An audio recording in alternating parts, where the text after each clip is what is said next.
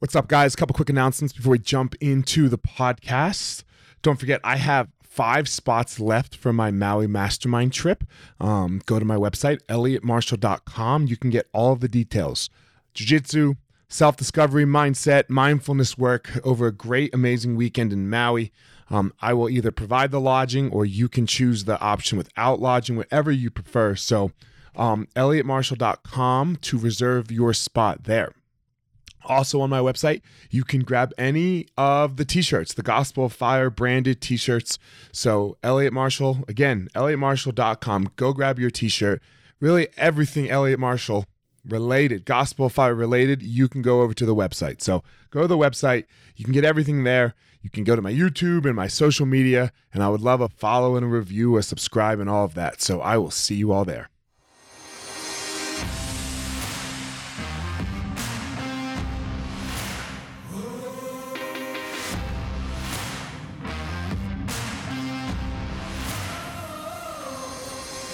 What's up, my ninjas? This is former UFC fighter Elliot Marshall, and this is the Gospel of Fire, where we are going to learn how to go into the fire so that we can find our power and live the best life possible.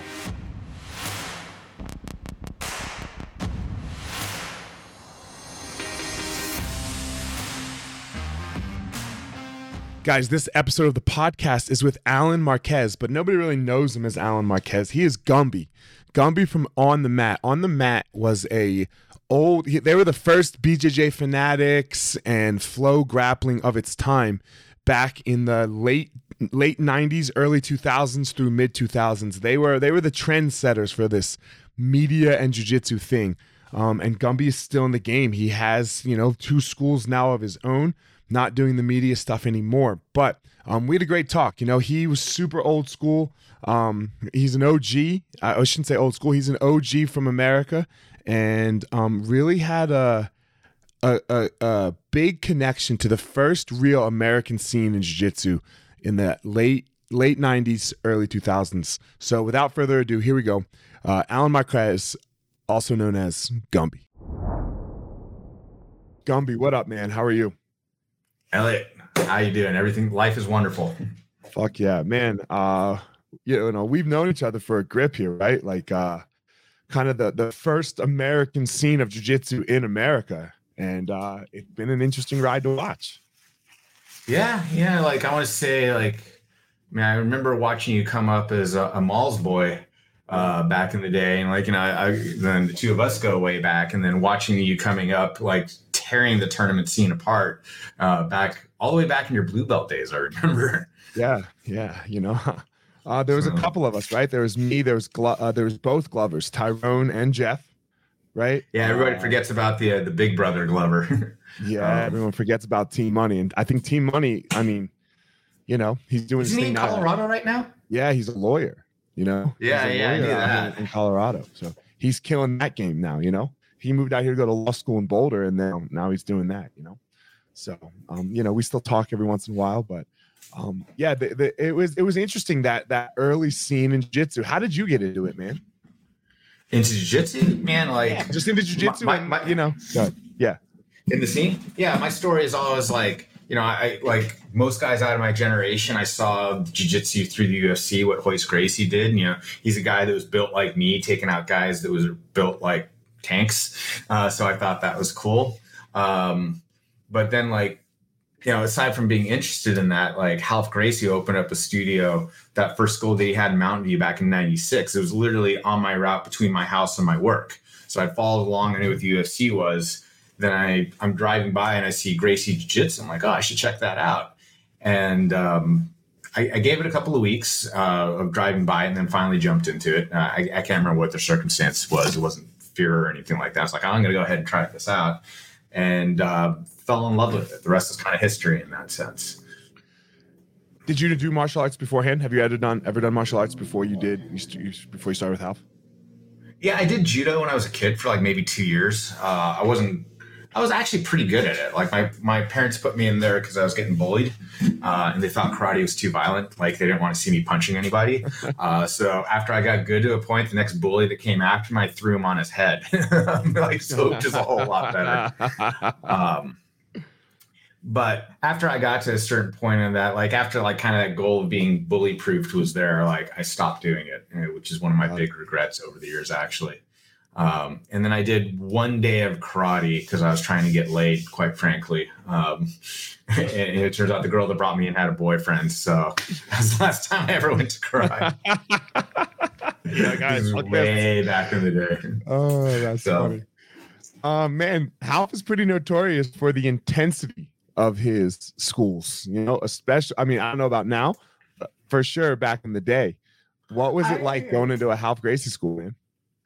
I mean, I think he has a reputation nowadays, given certain events and stuff like that that's happened of being like he's still an intense guy. Like, you know, right. I, I, love the dude to death. Like, let me just get this out of the way right there. Like, you know, he loves hard, he um, he trains hard, he pushes you hard and all that. But it but it comes out of a spot of like that intensity is like you know really love but it, it takes a while to kind of figure that out about him like you know you, you hear the stories you see him like you know like he has that kind of like for lack of better words, that aura about him, like more so than anybody else. And you think like, man, this dude's crazy. And then uh, then you approach him and then you get to know him a little bit. Like you enter in one of the schools, like, oh no, he's actually really friendly. Like, you know, like he's a good dude and all that. And then you really get to know him. It's like, man, this dude's crazy. so um, yeah, but like, you know, that that's Ralph. Like I said, I love the guy to death. But I think also like when we started off training jiu-jitsu, like I think one of the big things that people have to realize is like I got into it because I saw the UFC. Like I had no idea of what sport jiu-jitsu was or this recreational aspect of it or, or anything like that. So like you trained in this to be a better fighter. Um, or there was a there's more of that stated goal on that purpose as opposed to anything else. And like not that I would advocate fighting or anything like that or, or having to be a fighter, but there was a different attitude about that era. And, and I, and I think that the studio, the time, place, you know, that studio in particular with Ralph Gracie, like really emphasized was like a time capsule of that, like, you know, you, uh, of that, that spirit for lack of better words. I mean, you were at you were at a traditional Gracie school, right? Like, I mean, not, not traditional in the sense of like Kieran and like Rorion side, you know, or Helio side family, but uh, the Carlos side, Ralph, Ryan, Renzo, right? Like they they approached differently. They they approached as uh, the fighter mentality, like, and that. But that's what, like, as you were saying, in, in that time frame, that's what everything was. Like I, I can remember being a blue belt, and you know maybe just even a good white belt, and like for intro classes, I don't know how I don't know how House was, but our school was like we picked a fight for an intro class. You know, like when somebody came in for their first class, we're like, all right, we're gonna beat your ass. And nicely, but we're gonna beat you up. And that was how we did it. And I would like sit on the wall and be like, yeah, come on, let me get that fucking guy all. You know, so um I don't know what what was that culture like in the school for you guys, especially being it, you know, it was surrounded around fighting, like you said. Yeah, no, it was the same way. Like you came in, like, you know, I mean, there were so many people that came in. Like, I didn't really even realize, like, you know, like I had Ralph Gracie, like, who was sitting there teaching every day, and Cesar Gracie actually also. So, like, I always like to point out that when they opened up, it was the Cesar Ralph School, except my location was Ralph four days a week, Cesar one day a week. Um, and, and, that was a huge thing. Like, if you lived any place outside of California, you were lucky if you got a blue belt that got a seminar every six months, or like you had to travel down to Brazil to get to this. Yeah, uh, I didn't realize how. Yeah, yeah. You know, I, I, didn't realize how spoiled I was for a long time. It's like, oh, what? You don't have like a Gracie? I, guy would show up to my house if I missed class. Um, so like, you know, like we came in with a huge advantage in that sense. Um, so like people came from all over to train with us, like, you know, all over the, the, the area, like, you know, all over the, the, the state, all over the world, people were coming in to train with us. And uh, it was intense. It's like, you know, the, the attitude was like, yeah, we're going to come after you right there and see if you're even worthy uh, of being part of the crew. Um, and maybe not Ralph himself, like, you know, directly said that, but everybody on the mat definitely felt that you're sitting there kind of chomping at the bit for your chance to kind of prove yourself. And, and if you came in and you got your ass kicked uh, and you came in the next day, well, we'd kick your ass again. And there'd be this process that we just keep doing this until like you're finally like, you know, we would still try to kick your ass, but you were accepted a little bit more once you proved that you could hang. And I think that's kind of like an old school martial arts thing not just in jiu-jitsu but it's like you know we don't have that kind of proving ground to enter in. It's like there's no standing outside the dojo in the rain at, at attention until the master lets you in. It's more of a business transaction transaction right now where you can come in or anybody can come in and get access to, to virtually anybody there um, or any level of, of uh, fighter to a certain extent. It's a little bit different now i realize that um, and, and, there's a barrier like of entry that's different I like it both ways. Like my school, like our schools are easy access, you know, like easy, easy access, like as easy as can be. But like uh for me, if you want to work with me, it's a little it's you can come, but I'm gonna ignore you. Like I, I have a class that I teach, a, like a competitors class only. I'm gonna ignore you for a month and see if you just keep coming. I'm have everybody beat you up. It's fine. Like because I I do I do like that a little bit. Like they're uh they're a little, a little bit of earned, right? If you want more, you know, if you want more, then okay, let me. And I don't want your money. I want your commitment.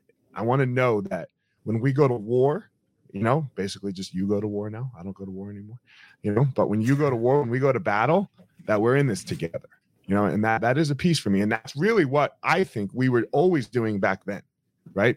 Because jiu-jitsu was very familial especially in the early in the mid to early 90s mid early and late 90s yeah absolutely. Like you know there was a price to entry and like yeah it's different right now but like you know i want something that money it's not a monetary transaction for sure you can't buy your way into that. Um, mm-hmm. it's earned and it's earned in different ways and everybody kind of has their own levels on this. And i think the difference now is like you know we have schools or like you know even other people's schools. There's an easy entry place and then there's a hard entry place. And the easy entry is important. Like you know like i want more people doing martial arts and taking yes. this you know if, if, there's one negative spot about where we're at back in the day is we chased off a lot of people that probably needed martial arts more than we did. They needed that kind of all those benefits we can talk about about the self-confidence and the self-assurance and the realistic scenarios and stuff like that. There's a way to bring somebody in that we probably scared you off um, that you would have had some great benefits on that. And I want more of those types of people to be able to enjoy and do jujitsu. Yes. But you're, um, but like to get to a certain level of this, or or to like you need your soldiers, you need the guys that kind of prove it. You still need that. So like for me, it's always been kind of this balancing act of like, yeah, I want everybody doing this, um, as many people as possible, but not every person is ready for every level of jiu-jitsu or what I have to show, and and you have and to what, draw those lines and that's okay. Like, and I think it, it's very strange because we're we're in a time in society a little bit where they try to say that that piece isn't okay, right? Like, where it's like, uh, oh no, you, you should want, you know, you you should. Why don't you want everyone to be a world champion? And I mean, I would love them to, personally, right? But uh, it, it what it takes is is intense. What it takes yeah, well, there's is, only, hard there's only one world champion at a time. There's only one yeah. world champion at a time. Not everybody is going to be a world champion. That's just a hard reality of the fact. Mm-hmm. You know, you mm-hmm. can be the best that you can possibly be.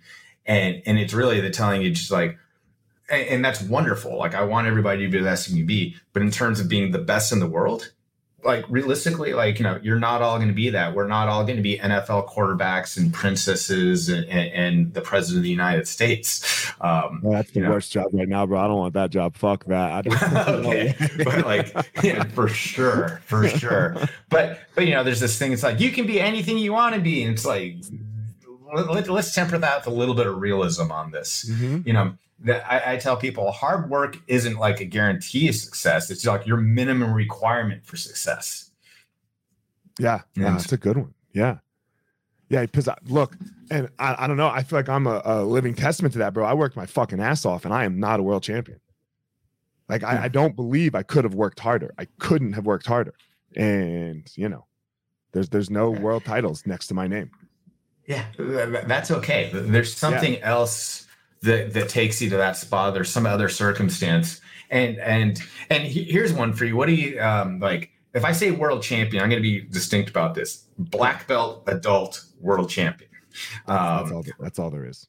That that's the only one that matters. I know a lot of people feel better about like oh I, I like I won like blue belt, master three, like you know whatever. It's like that's a great accomplishment, and don't let me take that away from you. Yeah, but don't add that title world champion to your to your thing. Like you know that that's You're not. indicating you're you're you're not like you're you're You're not. Let, us put a couple of asterisks on that right there. And and again, like jujitsu, but, but like again, oh, there's nothing wrong with that. Great, I am No, no, so no. fucking happy for you. You Yeah. are amazing, and to you in your weight class in your division, you are a world champion. And, and I'll say that I'll be like, you are the you are the world champion of your weight and your and your age and your and your belt. You know, but you are not a world champion because Yeah.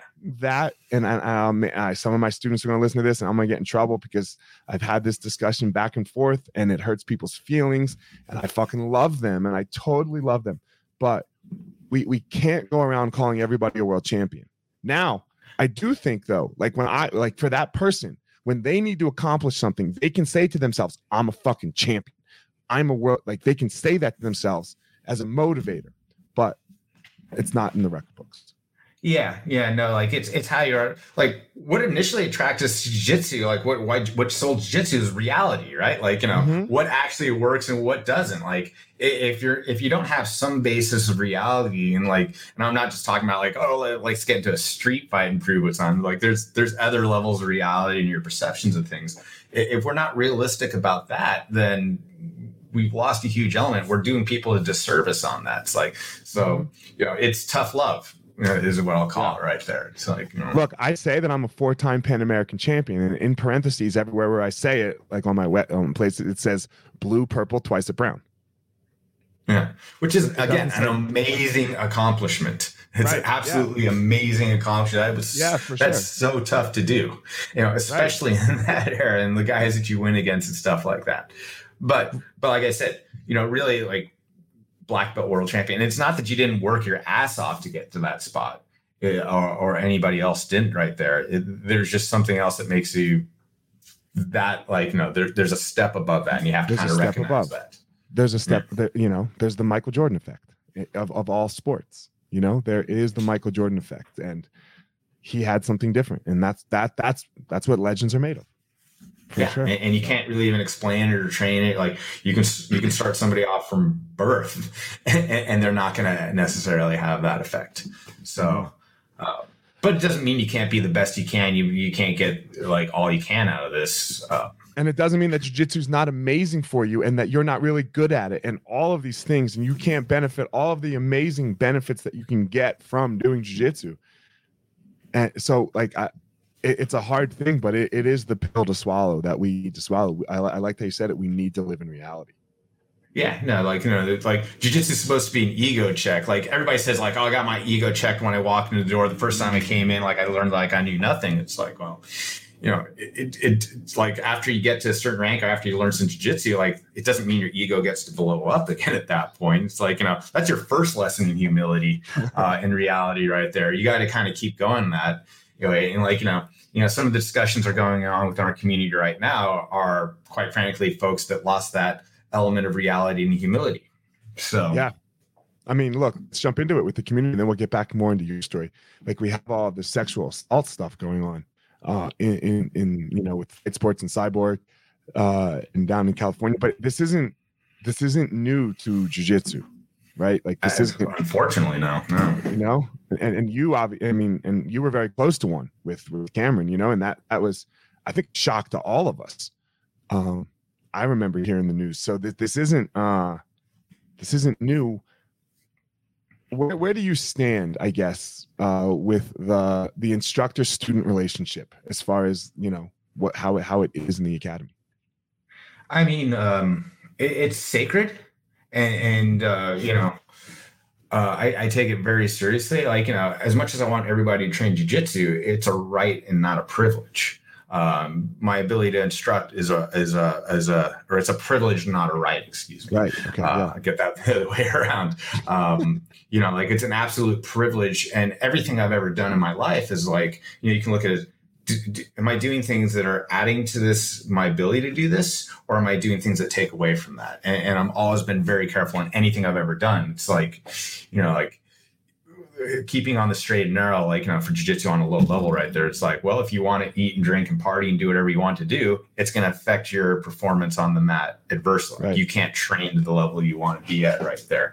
If I'm going to be like somebody that doesn't take, um, you know, doesn't respond with humility or authority when I need to be, if I don't take that role as that coach or mentor um, properly, um, I don't get to teach jujitsu or I don't get to be in that type of spot. Um, uh, so like I, I, again like I, I, think it's the the lesson that you should have learned when you first walked in on the door um, and it's just kind of this continuation. It's it's really hard to do that and like and I, and I take it really seriously. Um, and, and, again like you know it, it's not a right it's a privilege but it's a privilege I take really um, highly. Like you know like I, I i place it a high spot. Like you know you're given a lot of power on that. Like i don't want to exploit that type of power for bad. Um and um, I, I, I think like you know um, a lot a lot of this type of stuff tends to be like you know as much as it's like you know since we're specifying the sex crimes and stuff like that mm-hmm. which are obviously awful uh, and like you know I, I, don't really have to tell like I, am against sex crimes on there uh, that's an easy thing to say right yeah but i'm, I'm also not understanding that one right like that that like h- how we're getting praise for for saying we are against sexual assault is crazy to me because no shit it's fucking illegal yeah, you know, like it's it, it's virtual signaling if, if right. I say it like that. But if I but I tell you, you have to take a hard look of yourself as an instructor. You have to look at yourself as a coach, your school, your relationships, your students. You have to look at your levels of responsibility to them. Uh, you have to approach it with like that's a harder thing to do, and not all of us, like hopefully like not all of us, like hopefully ninety nine point nine percent of us within jiu-jitsu and then some would never even think about having that kind of improper sexual relationship to whatever level it goes, a horrible level it goes to that point. Um, you know, we're, talking about like the 0.01%, I hope. Um, but every single instructor out there now has to realize the power in your relationship and the responsibilities that we have and how much we have to take that seriously and how we have to analyze that uh, constantly. It's con- constant maintenance and work to be able to do that properly. Even the words we say you know even even the words that come out of our mouth like you're sometimes you have these young students especially for us like young males right that are looking up to us because we've accomplished and whatever. Like god they are fucking hanging on every word you say sometimes and that is a responsibility and you accepted it. You accepted it the second you became a teacher. You don't get the oh, i didn't want to i didn't want this role. Yes you did. You know yes you did. You opened a school. You said you wanted to be a teacher you're gonna have people looking up to you. You said yes. You checked the box. Yeah, checked the box. Yes, I will be someone's role model. That's yeah. Yeah. No, and, and, it's yeah, that's exactly it. Like you know, remember the old Charles Barkley commercial? Um, mm-hmm. That was like, "I'm not a role model," and it's like, you know, just because I can dunk a basketball doesn't mean that I'm a role model. I or I should be raising your kids. And the ironic thing, of course, about that is it's like he, it was probably more of a role model statement that he made than anything else about that, even though he was 100%. Like at the very end, it's like, you know, parents should be the role models on this. Like, but at the same time, like, you know, just because I can armbar you doesn't mean like you should be taking life advice from me. Um, um, but but you have to understand, realize, give it, people are going to listen. Sure, sure. I have to understand that there's that responsibility, the, the, way that people approach me. And again, like I think that's something that every person that puts yourself in that responsibility has to. It could be something as as subtle as if you said you like one flavor of ice cream over the other, that people are going to be imitating you on stuff like that. Or uh, you just have to be very careful with those. Uh, uh, relationships and, and responsible about that. And like I said, on the flip side, you know, like th- there's people that will exploit that relationship that would like you know would never dream in a million years of sexually assaulting somebody but will absolutely exploit that relationship which is not right either. Uh, right. not to the same degree as the sexual assault thing but again it, it's, it's something within the community we have to check ourselves on. And, and personally we have to check on ourselves constantly. It's constant maintenance. Power is a difficult thing. You know it's it's a very difficult thing to have and and uh it's it's it's very appetizing, right? I mean, it feels good. You, like, and if you can't admit that, it's going to be a problem for you, your power, right? If if you can't admit, like, yo, okay, I get it. This feels good. This is kind of cool. This is like, whoa, whoa, whoa, whoa. And if you're not looking at it, then you're denying it. But because power is for real. Yeah. Yeah. I think one of the best things to keep ourselves in check is like just having kind of peers around us or other instructors around us. Like, mm. You know, like I've found like, you know, as, as somebody comes in, they, they want to kind of glom onto you right away. Like they feel like some part of your success or your abilities, whatever, will rub off on, rub off on you just from that initial contact. And you kind of have to hold them a bit at arm's length the same way you would hold somebody at arm's length like okay you're not ready for this class you're not ready for my comp class yet you're not ready for this yet like well i'm not ready to like you know like it takes time to build up a relationship and trust and stuff like that so somebody comes in like this like okay i'll do whatever you want master uh and those words like uh, hold on a Whoa. second like right here Whoa. you don't know me that well at this yeah. point but that every every single instructor i've ever talked to has had that person that came in that that the student came in, they were just a little bit too familiar with them, uh, or a little bit too nice. And, and, it wasn't even that they were up to something. It was just because they're, they're, they see something in you that they're seeking out, that they're, um, that uh, they're looking at you in some way that you might not even realize on that. Like sometimes they're nice to you uh, or they're doing this, not even because of you personally, it's because the idea of you, which you, you also have to be aware of, you know? So like I've seen a lot of instructors like, quite frankly, that had somebody like that was super like whatever, like, oh, this person will do whatever for me. It's like, are they doing it for you or are they doing it for that station and what you represent? And then when that when somebody else comes along or like, you know, or a circumstance comes along that, okay, they're no longer doing that same thing for you, then they don't know how to handle it. Like, you know, this whole mm-hmm. like créancier type things like, you know, i.e. like loyalty is a two-way street. That person was so loyal to you at one point and then suddenly they're loyal to somebody else. It's like psychologically they can't process that. So and there's a lot going on there, but I'm just kind of saying what I see on this is the power dynamic between instructor and student, the power dynamics that we see in jiu-jitsu. Again, just have to be constantly evaluated and reevaluated and reevaluated and stuff like that. Because at the extreme end of things, it's like you see stuff like that that happens, uh, right. the unfortunate sexual cases and the harassments and things like that. For sure, symptomatic of that. It's a living organism. It's not dead. It's not handle it once and be done. Um, no, absolutely. Let's get back to your story a little bit, man. I can remember the the first time that I uh, saw my name on on the mat. I was like, oh my god, you know, I was like, holy shit, they said I have a chance to win this fucking tournament. That's amazing, you know, because you guys used to preview and stuff. Um, where did that come from? Because I, obviously you started jiu-jitsu, you know, and then you and Scotty, uh, and you guys were at every tournament. You were in the scene and and you were the first almost like you know what bjj fanatics is now. You start putting out dvds and what was where was the where did the birth of this come from for you on the mat so scotty approached me he was going down to brazil and the idea is if you have something to trade with people they'll approach you a lot better. If you just walked in as a fanboy down in brazil like uh, it's like oh like you know I, I i've heard of you for whatever like you know teach me whatever uh show me around and all that like you know they'll approach you like there's a dynamic in that shift. It's like okay like i have all the powers like they're just whatever it is right there but there's there's it's an uneven dynamic about that. If you come down there it's like hey let me hang out let me show you some stuff. Oh by the way i have this website. In 1997 when we started this off the internet was weird and and, and new and nobody was online. Well i can expose you to a wider audience right there. Suddenly that dynamic is shift shifted Okay, people will approach you differently. You can have a different type of relationship with them folks. So that was Scotty's initial why he wanted to have the website and set up that kind of magazine style thing. Uh, so when he went down to Brazil, like he had something to trade. Uh, How did you know Scotty? How did you meet Scotty? Because he trained at Ralph Gracie Mountain View also. Okay. And, and the funny thing is, is like when, when he approached me about that, because we were both in tech and in different aspects, he was sales. I was a bit more on the tech tech side, uh, doing quality assurance. Uh, when he approached me, about that. People were surprised that we were going to work together because they assumed we hated each other. Just because like we had this like relationship on the mat that you know we were almost the perfect matchup for each other. Like we're the same experience level same like kind of weight category. Uh, both of us are stubborn probably way too much testosterone for each other. Like we would try to kill each other every single match. Like the joke is, is like we didn't go to the tap. We went till somebody got hurt. Um, so people assumed that we hated each other but but you know full well like anybody on this it's like you go harder on the people you love than anybody else. It's like yeah, I, I, can go can. that level on them yeah exactly. you trust them right? You have that trust with each other.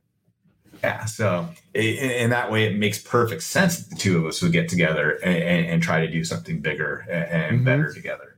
So yeah, that, that was the genesis of this, his trip down to Brazil and then seeing the power of what we had there and, and the outreach because there really wasn't a whole lot else from uh, the internet standpoint or there was a nothing. news standpoint up there. Yeah, Yeah, there's no, BJJ.org, if you remember that, Don Geddes, who's actually a teammate of mine also. He trained at the same academy. Um, Okay. uh, and then there was Yeah. us. Yeah. Right. So, like that academy, it was like interesting in the fact that, like, you know, people know of like the, the people that trained there in terms of like, you know, BJ Penn started out there, or like, you know, he did like the bulk of his training there. The Camarillo brothers, Cameron, you mentioned, a few guys like that. But then there was other personalities behind the scenes that have, like, you know, Don Geddes of BJJ.org, which is like the first uh, jiu-jitsu website out there. Um, Sean Shelby, people don't realize, first started training at that academy. Uh, Really? The matchmaker for the UFC. Yeah, Is yeah. he a, So- is he a black belt? um, I don't know what rank he is. I mean, he moved out to Vegas to start working for at the time Zuffa Right. a long time ago. Like I remember, like he was talking to him. He's like, "Hey, should I take this job?" I'm like, "Yeah, like I think that's a dream job. You should go after that." But yeah, like you know, Sean Shelby started his career, uh, started his martial arts in with that at that academy. So I know that. yeah, not a lot of people realize that one right there. Like That's I've known cool, him since though, that before he was in the UFC. That both both matchmakers, Mick and, and Sean, do jiu-jitsu. That's cool. Mick, Yeah. Mick, Mick, Mick's a black belt. Um, so where, where did it go? So that's where it started, right? It started Scotty's trip. So so where where did how did it? I mean, it took off, right? You got you guys took off, and, and what? How it, did- it, it took off because like yeah it, it took off like the more attention we put into it. like it was a labor of love to start off with when we had day jobs. Like um you know like it was a hobby and like you know it was more a little bit more than a hobby. It was a business and like you know quite frankly it's like it was a way of being able to write off a lot of the stuff we would have been doing anyways from a tax perspective. Um it was but like you know the bigger it grew the more opportunity there was on there um, it's like, okay, we can go to these shows. We're getting these invites. We have this opportunity to expose a lot of our friends uh, and, and show them to the world. So, like, you know, I, I- found myself in a really unique situation in jiu-jitsu at that point. Like, um, just a really unique opportunity. Um, and then, quite frankly, um, it was doing well enough to the point where us technically the company that was uh, what I considered a hobby was in the black. Like it was actually making money. The companies I was working for, I'm Silicon Valley, uh, and this was right at the beginning of the first uh, crash. Uh, were technically in the red. It's like uh, I like working for myself and doing jiu-jitsu, and it's doing well, as opposed to working for somebody else and these companies aren't doing well. It's like uh, which one should I do? and so that was was that? kind of what I got into to to run full time with this. Um, What year was yeah. that? Oh man. Um, I think the last time I had a real job was either 2000 or 2001. Um, so it's going on 20 years that Okay. I took the leap and decided to do that. And Scotty had done that a little bit earlier. Like I think it was right after 9/11 had happened that he made this decision. Like I don't want to. I want to move. I want to travel. I want to take advantage of things. Um, I want to live down in Brazil for a while. And he initially had this idea that's like, oh, we should go down together and we should live in Brazil. Um, as much as I liked Brazil, he had a better like, and I didn't. I had a wonderful experience there. I think he had a different experience than I did. That he wanted to live down there. I liked visiting there, but I had no intention of living there. Um, so, but it actually worked out really well from a business side of things because he went down to Brazil, got to know a lot of the Brazilian side of things. Uh, got to be friends with legends like Paquita um, and, Daryl Golar and like the whole BTT team. Mhm, in addition mhm. to training Gracie Barra at that time and stuff like that, you know, and discovering a lot of guys before they became famous. And then my mission at that point became was like, well, if you're going to do that for Brazil, I'm going to do that for the United States because I'm an American and I want to see the Americans do well in this. So I'm going to try to, you know, events like Grappler's Quest or um, uh, some other events and stuff like that too. I want to make sure that the American fighters get, uh, the American Jiu-Jitsu guys get just as much shine, shine as the Brazilian guys do.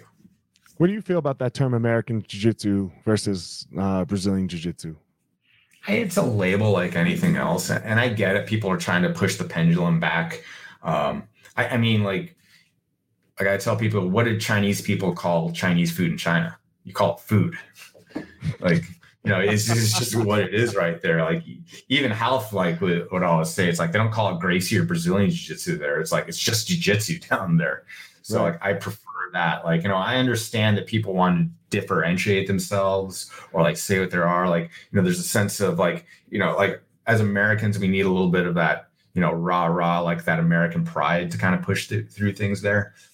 But I look at it more as marketing as opposed to say there's this whole new revolutionary style. It's like, you know, jujitsu's I hesitate to say, I mean, it is evolving and like it's moving forward and people are getting better at this. But I also think you're not reinventing or inventing anything as much as reinventing or discovering anything. There's only so many ways to move a body. Um, the second that you think like you, you're, you're that special, like you came up with something great, then you'll be really sad and depressed when you see like, or excited, depending on who you guys are, that if you see like a video, like some Kodokan video in the 50s of some Japanese guys in black and white, old timey footage doing the exact same thing you just thought you invented. Um, right. Yeah. And I agree with you. I'm more like, I just, I don't, I just do jujitsu. Like, I, I, I don't like the, the culture before that or the nationality before that. I, I don't, I don't really associate with, I guess, so much. Yeah, if, if, if you do jujitsu, quite frankly, it's more than likely we're gonna we, we have something in common there. Hopefully, we're more in friends with there. Like, I don't want to have this differentiation between oh, you're Brazilian, you're American, you're Polish or British or whatever, something right. like that. Yeah, you know, it's jujitsu. Like, you know, the best thing or one of the best things about jujitsu when done right is this level of community that any place you go to, like if they do jujitsu you got a local home base right there. You have, you, you should have some friends. You have, so you have an inside scoop at any place you would go to, even without speaking the same language. Exactly. No? Exactly. Yeah. that's that's awesome. What was the heyday of on the mat? What what you know like what what what was that like? You know like uh, so you know you say you left your job in early 2000 2001. When would you say it was like yeah we we are like in the middle of this like really cool scene? Like cool scene in the sense of like what OTM's heyday was, or the, or, or the heyday of say jujitsu and my involvement of that, because oh. they might be two different things in this. Let's case. go both. First, let's go OTM. Uh, for me, the heyday was like the amount of traveling I was doing. So like I would say mid two thousands when we were the de facto um, uh, resource on a lot of this stuff. You know, we got mm-hmm. to work a lot behind the scenes. Like I, I guess our pinnacle was working with ADCC. Like you know uh, I did the commentary for 2005 and 2007. I think that's right. Mm, you, you, you got the Roger one. Yeah, I got the Hodger ones. Uh, so I got mm. to do the commentary and the, and the play by plays on that type of stuff. And I had front row seats on. And the Marcelo. So. so. you got Marcelo too, right? When the, his match with Rico, that was the, yeah, holy shit. You had Yeah, yeah. I, I, was, I was calling that match. Uh, me and Eddie Bravo were doing the, uh, the play by plays on that one. Um, so yeah, I was to a certain extent that was that was a bit of the peak right there. Um, you know, Scotty just started opening up the stores around that point too, and, and, going down that route, and he was really interested in doing that. I was more interested in kind of the media, like I, I was still interested in doing what we originally came up with, which is the media side and kind of mm-hmm. doing a lot of that travel. But um, there got to be a certain point after that um, that I got um, two things happened. Um, number one, like uh, other people started taking over. Like there, there, was just more video out there, which is awesome. Like I, the more coverage on this, the better. Like I was never jealous about that. Um, so like you know, I'll say like before there was there was this kind of like evolution on the video. So you mentioned BJJ Fanatics or maybe FloGrappling being where it is right now, but there was like Paquita is always the one that I kind of list out first. Like he's the godfather of all of us. Uh, and not, not a lot of people remember who he is. Red Belt was best friends with Carlson had videos going back from forever. And then we came along in the 90s, started doing stuff. So like, there's a there's an era of footage. Like I got like 2000 of these tapes at my house. Uh, I'm, I'm, uploading a lot of these videos and stuff like that. Um, there's an era till about mid 2000s, I think that it was on the mat, and then there was BJJ tapes, and then there was Budo videos, and then now there's um, FloGrappling and BJJ Fanatics, and, and my guess is there'll probably be something else that comes along at that point too, just as sure. history repeats itself on that. Um, right. So yeah, there was definitely this point that um, that um, other people are coming up, which is great, and then my own personal interest is like I wanted to kind of pull back and just get more on the mat myself. Like you know, everything that I did was I love jiu-jitsu. Um, you know, all the stuff that I did with OTM, like I'm not saying I would have ever been the greatest competitor in the world, but like I couldn't compete and do OTM at the same time. I remember um, when you guys would compete. When one of you look, it was this huge. Like I was like, oh shit, Scotty or Gumby's gonna do it. So yeah, just because yeah. like you guys were filming. Yeah, no, like it was just this energy level on this. Like you know, like I'd be working and you know, like you know, it, it was work to be able to do all that type of stuff. I'd just be physically exhausted. Like it, sure. it wasn't that same level of mental preparation. But I was okay with that in two cents because number one, like I'm not saying I would have been a world beater on that. Like I know where my level was compared to like everybody I've ever gotten to roll around with, including my own teammates who were phenomenal. Like I was not at that level. Um, although I think I was pretty good at that point. The other thing too is like, well, there's a million guys, or not a million guys, but there's plenty of guys vying in the being that competitive sense and like going through there. At the time, there was only one of me doing what I was doing. And, and I mm-hmm. felt the work I was doing was important enough that I didn't see it as the sacrifice, like, okay, I'm going to put aside my competitive career for this. But I did see it as like, in that positive sense, like I can't do, uh, like I'm not going to do this because I have so much more to give in this particular area, like that whole media personality, whatever era, whatever you want to call it, that I got to For do. Sure. That, that was a very rarefied thing that I got to do. Yeah, hundred percent. Um, what are you up to now, man? What do, what do you do? You know, work wise, like you run the school, and and what is what are you up to now? Yeah, I'm focused on my schools now. Um, yeah. I had opened up a second one, which was slated to have grand opening in March of 2020 before everything shut down in California, uh, which is thankfully to the support of our students is still there. Uh, That was like, don't have to tell anybody here. Like sure. everybody has their own stories of how rough 2020 was for them. Um, so like, you know, my main thing is I just love being on the mat and like, you know, and even if I don't, don't have that same competitive fire or even ability anymore. Like I like the idea that I'm I'm in another way building up the next generation and, and, and kind of instilling my values and my jiu-jitsu and the way I was brought up and the way that I've seen things. And, and like I like seeing that continue on. Um, so I've had that school since 2009. I've been teaching longer than that, but I've had a school since 2009. Um, okay. And now the next phase of that is I still love being on the mat. I still love teaching. I'm still on pretty frequently, but now I've also built up other guys that are instructors at this point. So I'm trying to kind of realize what they're able to do with this and, and, how they can kind of go ahead and move forward and how they build out the next generation on this. So I'm actually really proud of that. Like I have a, I actually have an abundance of really good guys and I've actually made them partners as opposed to employees on this. Like I, I really want them to ownership to, to be or profit? fulfilled. Um, I've given part ownership on the gyms. Okay. Oh wow. Um, yeah. How many, guys, how many guys? Is, how many? How many people? So so far, I have two gyms. Like okay. my goal is, is like um, my thought process is instead of sitting there and like trying to keep a larger ownership on this, if they have ownership on this, they'll work harder. Like you will work harder if you, as you have mm-hmm. ownership mm-hmm. on this. You know, you have something vested on this. So even if my percentage of the ownership goes down a bit, the, the, the overall project gets a lot bigger in this sense. And, and, like there's the financial aspect on this, but there's also the realization like we have enough students like, you know, I'm not responsible for every promotion that happens anymore. Like these are going to be your guys at this point. Right. Um, yeah. And, and you, do, you need to have that level too. Like the best comparison I can give it um, is like if you like you see chefs that open up restaurants and stuff like that, and eventually you develop a chef that's so talented underneath you. Like they can't just be preparing your recipes forever. Like they need to to go out and do their own thing. But there's also a way of going out and doing your own thing that contributes to the whole, as opposed to like, okay, fly out of the nest and I'll never see you or work with you again or anything like that. Which is fine if they want to do that. But I think our project right now is to like see how big we can make this together. Um, yeah. Is what I'm trying to do. Uh, and, yeah, and we're digging it out. We have to go. I mean, that's what Amal and I are doing. So fuck yeah, I hear you. Yeah. Yeah, so, you, I'm preaching to the choir on this. You you get that, like you know, that's what Amal did for you. Like you know, it could have been just his, but like you know, quite frankly, like you know, you, you guys share that success right there. And I'm sure mm-hmm. there's other guys that are contributing to oh, right yeah. now that I haven't personally oh, yeah. met. Yeah, you just don't know them. But uh, I mean, I'm, I mean, Amal and I fucking gold. We we you know, I teach, bro. I don't run a business. so, um, um, man, I normally ask two questions to close. I don't really have to ask you the one. The one is like, why do you do the podcast? It's because you and I are homies.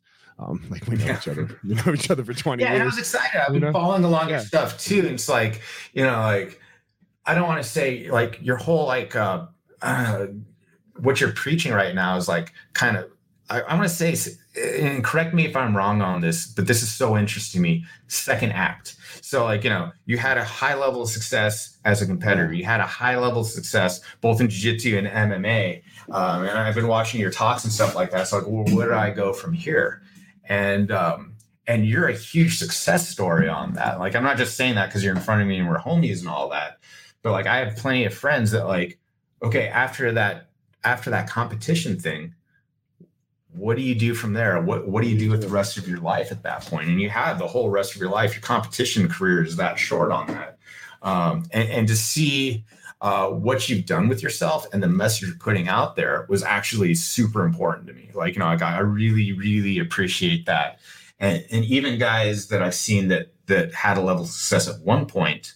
Um, like I think they need to hear that message. Like you know, like what do you do yourself there? Like there, there's a way with uh, of being out there and, and, like and still being involved in the community out there too. It's like just because you can't tap every single person that walks in the door anymore doesn't mean you don't have something to contribute with jujitsu um, or what you're doing. And it's how you're moving forward on this. So like you know, as opposed to just reliving like you know, learn from your history, but we're still going forward on, on the future on this. And, and I think like honestly, like, and again, I'm not just saying this since you're in front of me, like as far as like all the as far as the many personalities within jiu-jitsu that I've seen and that are having the social presence right now, like I think you're the guy that gets this.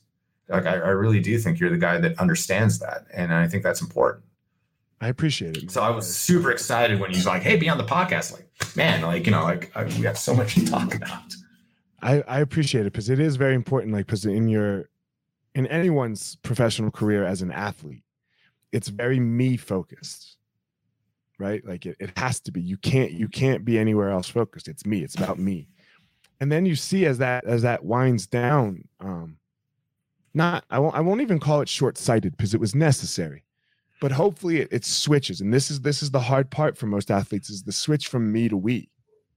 You know, and and my we came from a breakdown and i've uh, i've explained that a lot and, and you know and people can hear my story wherever they want but that's what it really was it, it's the switch from me to we so how can i how can i have a touch on every single human's life that i that i come interact with, that i interact with and how can i move their life forward for the positive? So i appreciate you noticing is what i'll say because uh it's super important to me and it's what i'm trying to do and i'm not super skilled at it like whole like online social media like it's hard, right? It's a new skill that I didn't have to learn before. It was Elliot, go fuck fight. So thank you. I appreciate it. Yeah. Well, you'll um, get that skill. Like plenty of people yeah. have the media skill and don't have the message. So right. like you have the message and you have that understanding. The media stuff will come.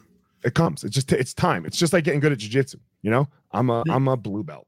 You know, I just got my blue belt. Maybe I have a stripe. Um, man, I always and, and the last thing that I ask people, I, I think everyone has a unique power in the world. I believe everyone has something that makes them amazing. That doesn't mean money and that doesn't mean fame or anything, but something that that that this is what I give to the world. What what's your power? That's a good one right there. I, I I'd say that sometimes I've compared myself to Forrest Gump in the sense that I'm right place at the right time at all places. like, and I'm me sitting there telling JFK I have to poop or something like that. Like, you know, really like in my life that like I've met um, so many, I mean, like even within the jiu-jitsu community, like you'll meet so many interesting people from walks of life. Like, you know, we're all kind of equal to a certain extent in the gym where we don't really care about your outside life to a certain extent. Like, I don't care what your job is when you come in. Um, but you'll find out like from conversing with folks, mm-hmm. people have really interesting jobs and lives and stuff like that. Um, and I, have been more fortunate than many in the contacts I've had and, and, the relationships I've built and came out over the years uh, in just various, you know, celebrities or sports or in the business world and stuff like that. Um, but I've also found like, you know, that's luck. But if I had a superpower, it's like kind of my ability to make connections that other people wouldn't connect and, and then see where these connections come from. Um, and and see how possibly that can at the very least what makes life interesting to me or like you know what I can preach out, much less what putting two people together that wouldn't necessarily be in the same room.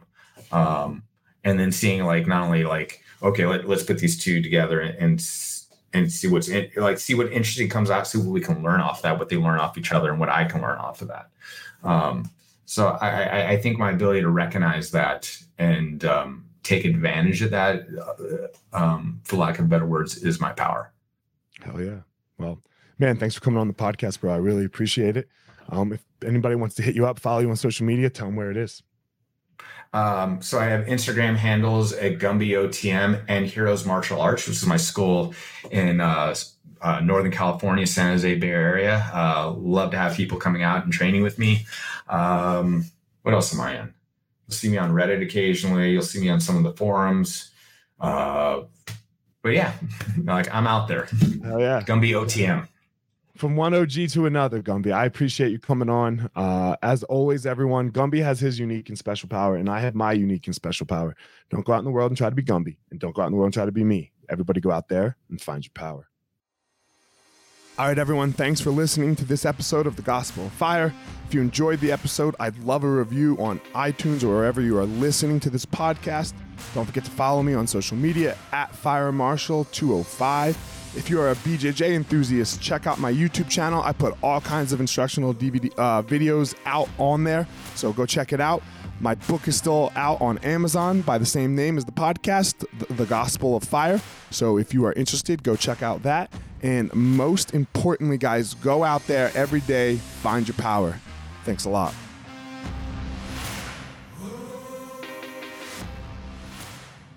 Guys, look, I get it. I totally get it. You opened a martial arts school, and man, it's kind of crushing you. There's all this other stuff to do other than teach, right? You love teaching. You love jujitsu. You love Muay Thai. You love karate. Whatever it is you're you're teaching. And man, but there's all this other stuff. There's there's the front desk. There's there's taxes. There's curriculum. There's cleaning. There's there's problems, staffing, covering. Whew, man, it's so much. It's so much. Well, let me tell you, uh, we have started what's called Easton Online, and Easton Online is here to solve all of these problems for you. Easton Online is a digital academy for martial arts school owners and managers. Will help you establish or enhance your business with best practices. Most importantly, we're going to help you get back to what it is that you love most teaching and doing martial arts. Okay, so for more information, guys, go to easton.online. Again, that's easton.online.